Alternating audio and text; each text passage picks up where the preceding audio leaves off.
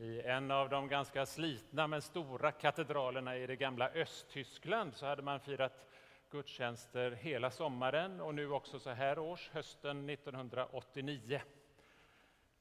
Varje måndagkväll samlades man till mäktiga befrielsegudstjänster med innerlig bön om att bli fri.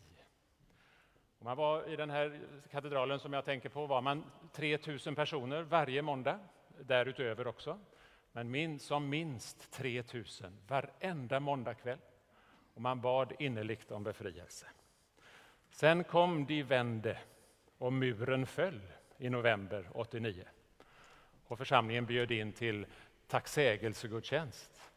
Wow, tänk att få tacka för det vi har varit med om. Vi har ju bett här varenda måndagkväll. Och sen föll muren i november och nu ska vi tacka. Hur många var de som kom? 300, precis. 300 kom. Var tionde kom tillbaka. Spetälska var man tvungen att ropa på håll.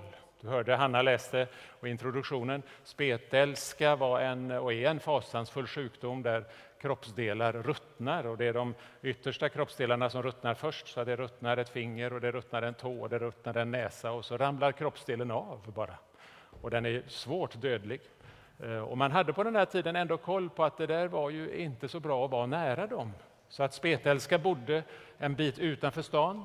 Eh, de fick ha ett särskilt litet eh, område där de fick röra sig. De hade särskilda klockor och gick och slog på så där. och så ropade de då spetälska, spetälska.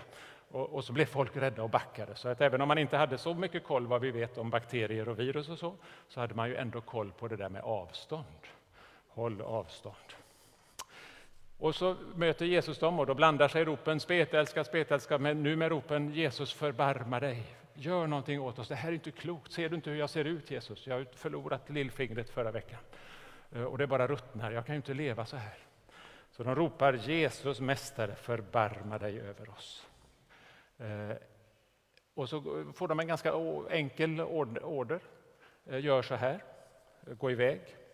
Eh, och när, de eh, väl kommer, och när de blir friska på vägen till prästerna som de var på väg till så är det främlingen, samarien, som kommer tillbaka. Och nu med högröstad lovsång. Från början gör de ju alla rätt, alla tio.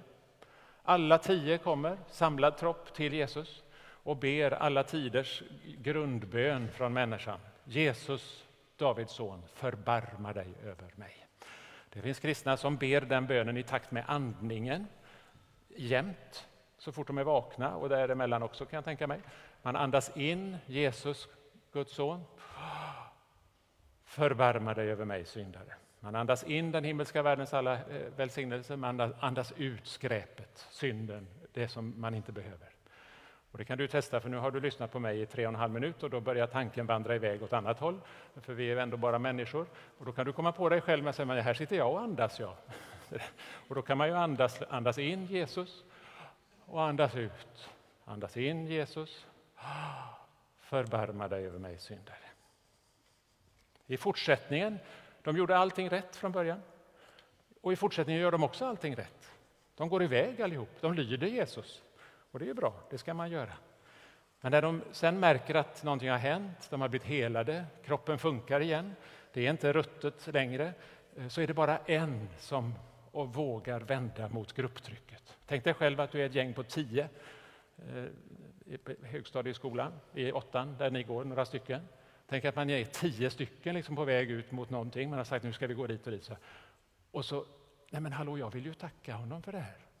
Och vända då och gå tillbaka. När alla nio går åt andra hållet. Det är ju faktiskt ganska ståtligt. Eh, och då kan man ju tänka idag att ja, men Ska jag vända tillbaka eller ska jag tacka för någonting jag fått ta emot? Ah, men det kommer väl en dag för det också. Nu går jag med de här. Eh, jag kan ju tacka sen. Jag får ju tid sen när jag blir pensionär eller när jag liksom blir något annat. Då kan jag få komma tillbaka. Så. Och då var det bara han som liksom vågade vända, som gick tillbaka, som vågade gå emot grupptrycket. Eh, främlingen som kom Jesus nära. Tacksägelsedagen som vi firar idag är slutpunkten för skörden. Det var en otroligt viktig söndag eh, när vi var mer beroende, när vi, var, vi är fortfarande beroende, men vi tror oss inte vara det. När man såg i laggården vad vi hade så vi klarar oss under vintern. Allt skulle vara bärgat till tacksägelsedagen. Skördetröskorna skulle ha slamrat färdigt.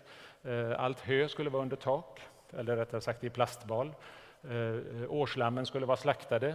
Eh, och så kunde man titta, ja men ja, vi har, vi har så vi klarar våra tolv tackor som vi har kvar under vintern. Nej, vi får nog slakta fyra, för vi har bara åtta, mat till åtta och så. Ehm, det var slutpunkten för skörden.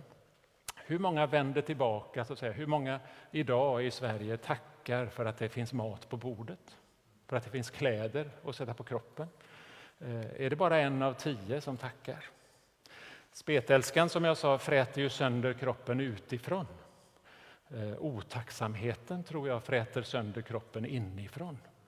Ni vet, man kan ju köpa såna här röda glansiga äpplen så här års.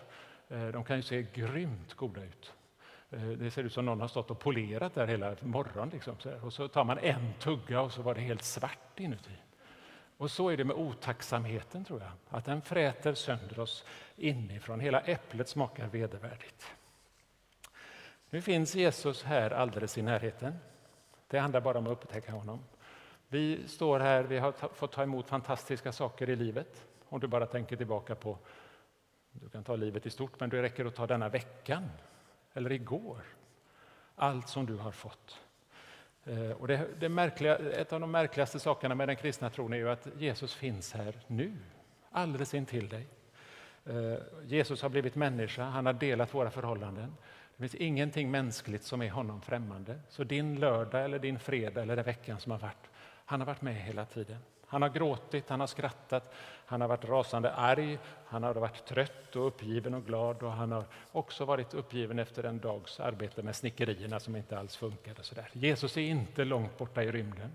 Han är inte på någon särskild plats, utan han är här. Han är inte till för dem som bara har lätt för att känna religiösa känslor eller så, utan han är nära dig.